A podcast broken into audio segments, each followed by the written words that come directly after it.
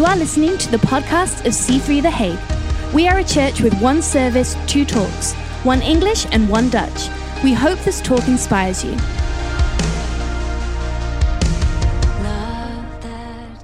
Rome chapter 4, verse 18 to 20. Um, and uh, it's not illegal to make, to make notes. It's also not prohibited in any way to share your notes or your thoughts on social media, particularly Instagram, because we all know that if Jesus will be alive right now, uh, he would have a billion followers on Instagram. I'm pretty sure that is truth right there. So, uh, Romans 4, verse 18 to 20, um, a, uh, a good scripture. I like this one. Uh, I like all scripture that I preach about, um, but it's a good one. And so I want to read it to you without further ado. It says, Abraham, because it, it doesn't say Abraham, but this is, goes, this is about Abraham. He says, Abraham, who, contrary to hope, in hope believed. Don't you love that?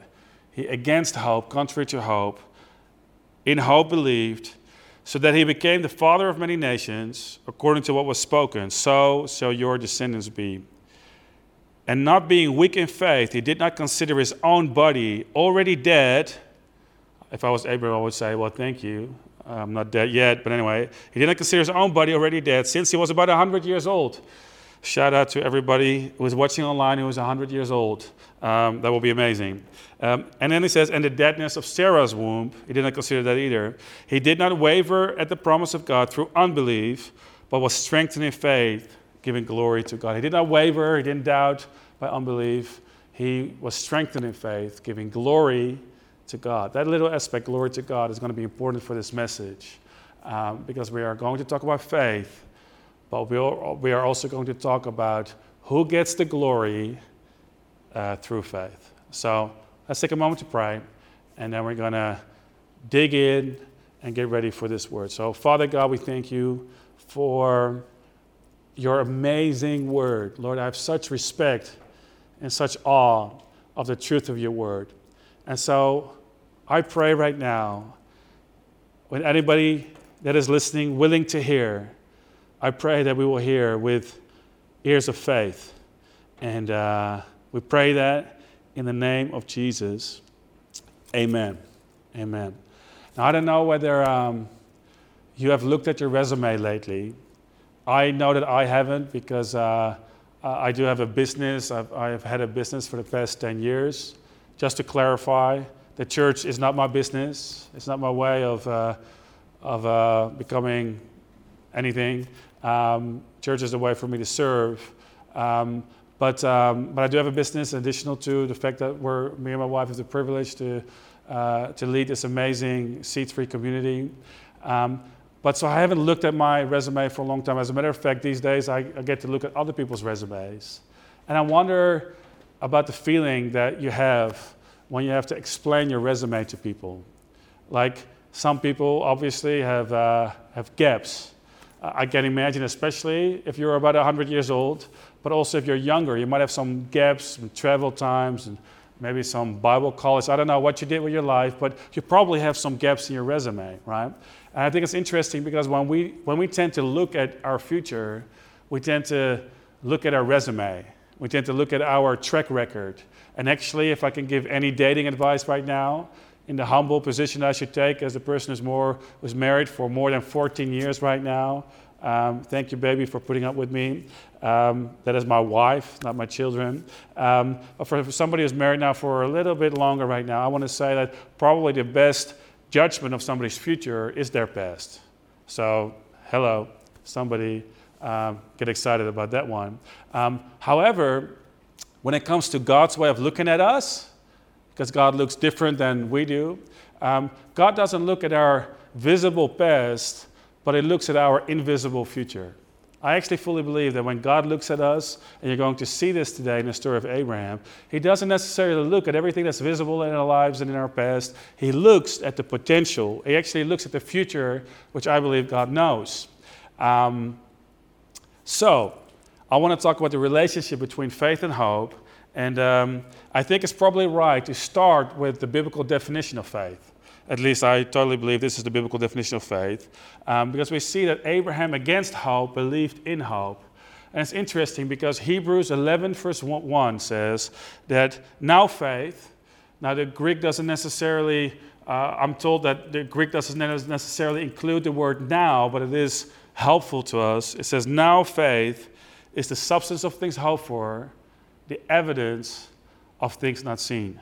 Faith is the substance, some translations say the uh, security of things hoped for. See, faith and hope have a relationship. The Dutch translation says faith is a solid ground for the things we, we hope for, uh, the evidence of things that we cannot see. And so let me start with this thought about faith, because this is what faith is. Faith is the fact that our future is in us right now. Faith is the fact that our future is in us right now. That's why I like the fact that it says now faith is, even though the Greek doesn't really use that word. I think it's helpful because faith is the future in us right now. Now, I have been carrying a future in me that I couldn't see for a long time. At the age of eight, 18, I, I just knew that God was calling me, inspiring me, attracting me, you could say, to a calling to communicate the gospel, to communicate the word of God. And I, I could feel it. I could, I, even though other people didn't know it, some people had no clue that I had, like, I believe, a gift in me to do so. Uh, I just could, if I saw somebody speak, I could just see myself doing that. I believed a future that I couldn't yet see. Uh, for years, I, I've had like uh, like a picture in my mind of me leading a church. And I would make career decisions and I would do things based on that picture. And even though people couldn't necessarily see it, I could see it. And, and I just feel like it was always there for me. Um, I, I think like as far as since I was young and it was conflicting because I had like desires to preach and uh, not, not when I was young by the way that started my teenage years but I had desires to preach I also had a desire for business and and that's now come out as well. And, uh, and you know what I think it's really funny, especially people who haven't seen me for years. Sometimes they, uh, I interact with them and they come up with this statement and they all say the same thing. I, I think it's not a compliment, um, but they all say, when they see the results of my business or church or whatever, they say, Lucas, who would have thought? Who would have thought? Can you imagine them saying to you, if you do what you do in your daily life, and people say to you, man, who would have thought that you could do this? And sometimes uh, you know, I don't really say it to them, except for the fact that I do say it on camera in church, apparently. But I do think, well, humbly, as a servant of the Lord, I would like to say, um, I would have thought.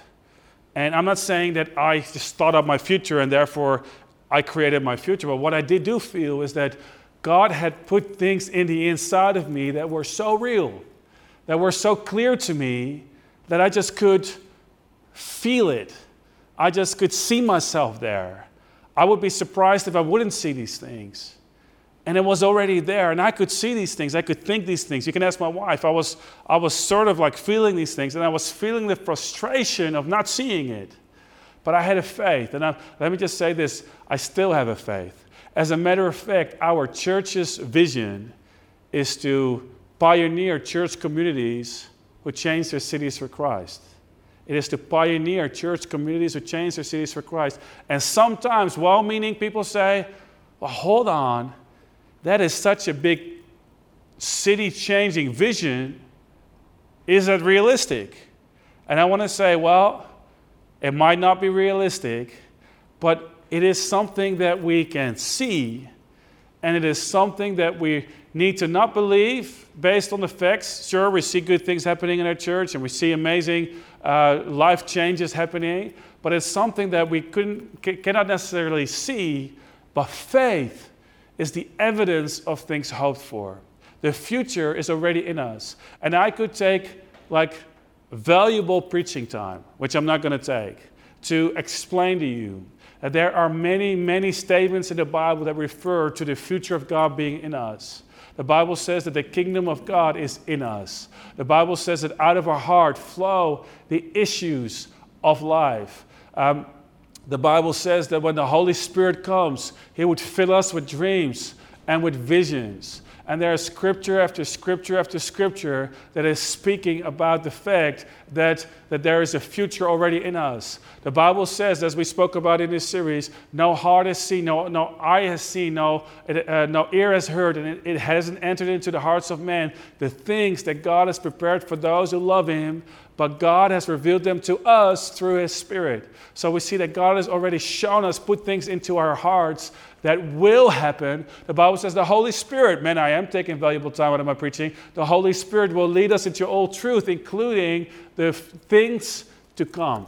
So let me just say the faith is the future already in us. And I want to encourage you, I hope that you have a future in the inside of you. I hope you're living with the frustration of your dream and your reality because the truth is, is that God has a future for you and that is your hope, but it needs to be mixed with faith if it wants to materialize um, in your life. So, so, okay.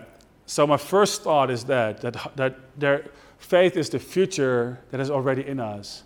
The second thought I want to share with you is that faith is not as constant as we often give it credit for.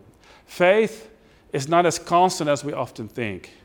And, it's, and you got to come, at, come with me on a little bit of a Bible journey here because we read the scripture, right, about Abraham, and we see he didn't doubt and he didn't waver at the promise of God through unbelief.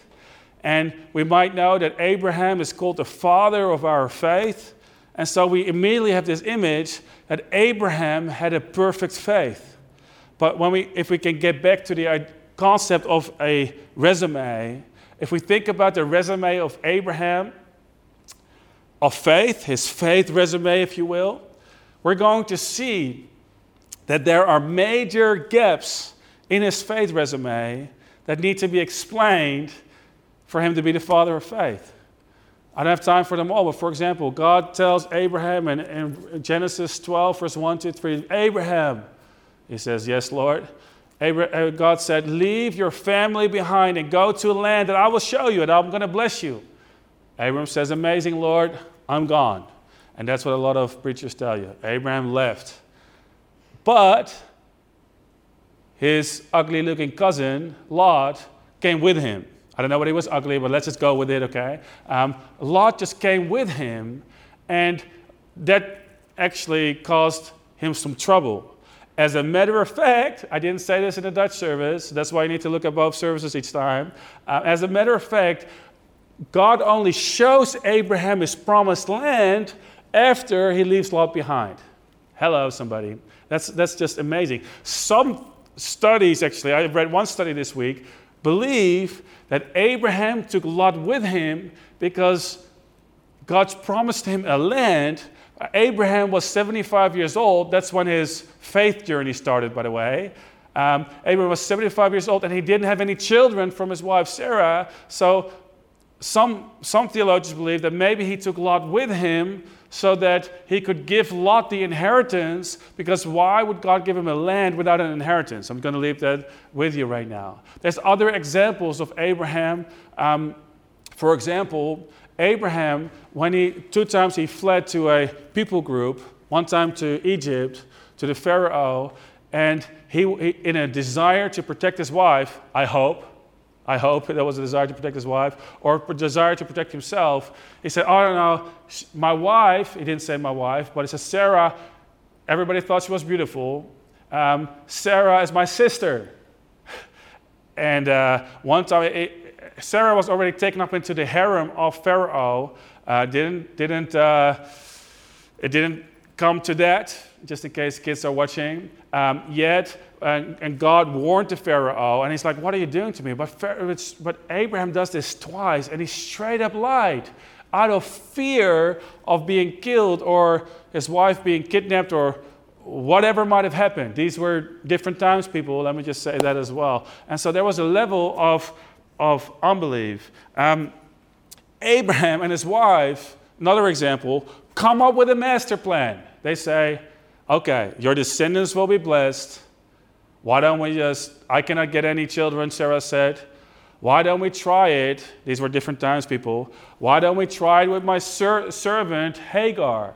And so Abraham, willing to obey his wife, went along and slept with Hagar and created or received, let me just stay away from that analogy, um, definitions here, but had a child, Ishmael, and caused a lot of problems. Here's Abraham trying to create the promise by himself. Is that sometimes like us? Like God has promised it, but let us do it before it's time. And so there's lots of examples. As a matter of fact, when God promises at a certain point in Abraham's life, in Genesis 17, when he promises Abraham um, that his wife Sarah will have a son, what does the Bible say?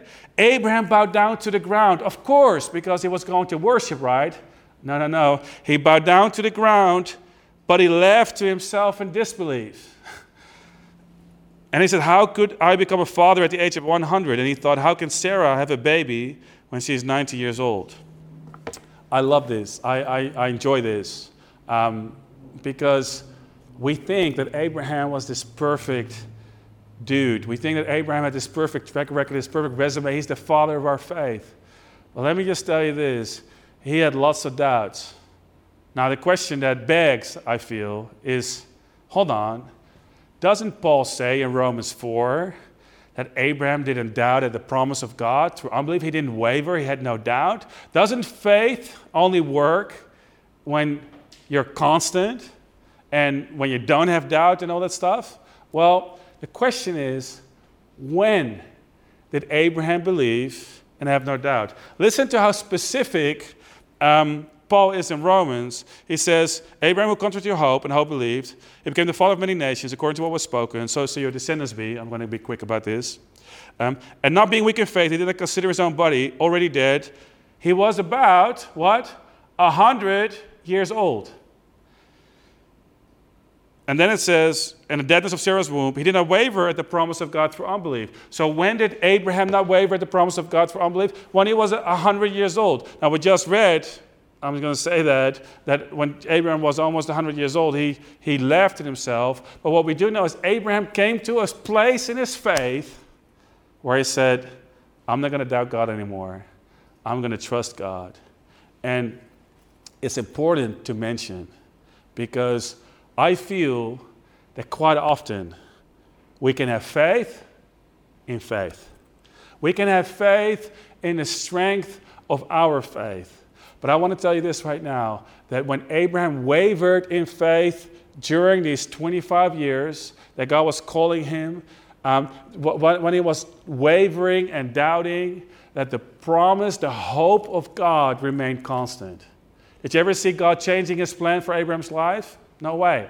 God's hope is constant, even when our faith is not constant. What does the Bible say? That God, even when we are unfaithful, God remains faithful because he cannot deny himself. See, there's this thing that I feel like we need to understand that hope is bigger than faith. Hope is bigger than faith. And so, so faith is important, but hope is constant. And, and so faith is a journey. Abraham, the father of faith, was on a journey of faith.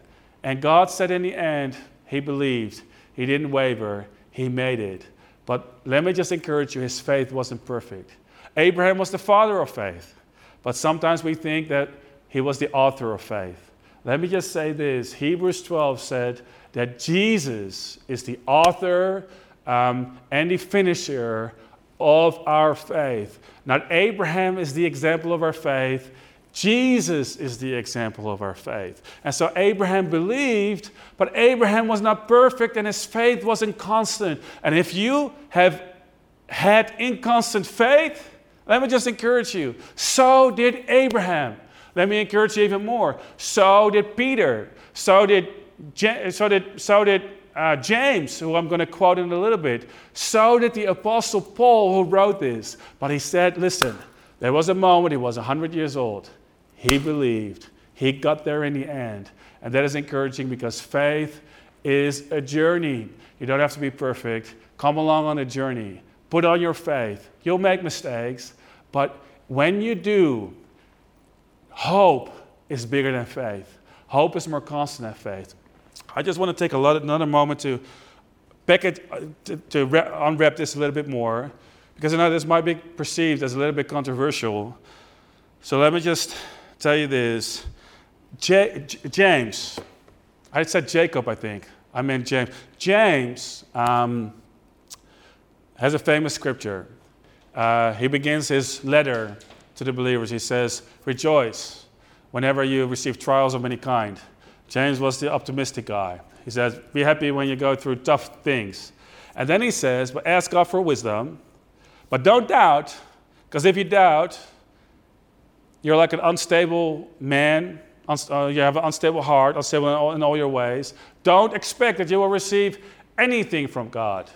Thank you, James, for adding this to the discussion, because now we have this thing of real faith does not doubt. Okay, but then one chapter further he goes and he talks about the father of our faith, Abraham. And James, do we see this. He says this, verse 20, 21. He says, Don't you remember, we're about to finish here, but let me just finish on a good tangent right now. Don't you remember that our ancestor Abraham was shown to be right with God by his actions when he offered his son Isaac on the altar? By the way, this was at the end of his life in chapter 22 of Genesis. He says, You see, his faith and his actions work together. His actions made his faith complete. Understand this. His actions at the end of his life made his faith what? Complete. And it so happened, just as the scriptures say, Abraham believed God and it was accounted to him for righteousness. Or, sorry, I did it out of my mind. This is a different translation. Abraham believed God and God counted him as, a righteous, as righteous because of his faith. He even was called a friend of God. Now, I love this because James here says that Abraham's faith was completed by an action he did later on in his life in Genesis 22. Then he says that the scripture was fulfilled at that moment, which was a scripture from Genesis 15, verse 6, where it says, Abraham believed God and it was accounted to him for righteousness. So Seven chapters and many years later, he fulfills a promise that God says to him, You are righteous because you believed. And so, the faith from Abraham was fulfilled at the end of his life, but God saw the potential of Abraham. God saw the future of Abraham earlier on in his life. And I want to tell you this God has a future that He's putting in the inside of you. And I think it's important to understand that both Paul and James are so specific that Abraham didn't doubt. But Abraham didn't doubt when he came to a position of faith at the end of his life. I want to encourage you faith is a journey. You won't get it perfect. Don't have faith in faith, have faith in hope. And if you make a mistake, if you waver, pick it back up again. What does the Bible say about the righteous? They fall six times, but they get back up again. I want to encourage you today get your hopes up, get your faith up, get up and believe again. And you can leave a legacy of faith if you just every single time you, you fall, if you get back up again and you say, I'm not going to believe in my faith, I'm not going to have faith in faith, I'm going to have faith in hope because hope always is bigger than faith. And I think that's hopefully going to help you as we conclude this series. Thank you for listening to this podcast. If you want to know more about what's going on at C3 The Hague, please follow us on Instagram We'd love to see you on Sunday.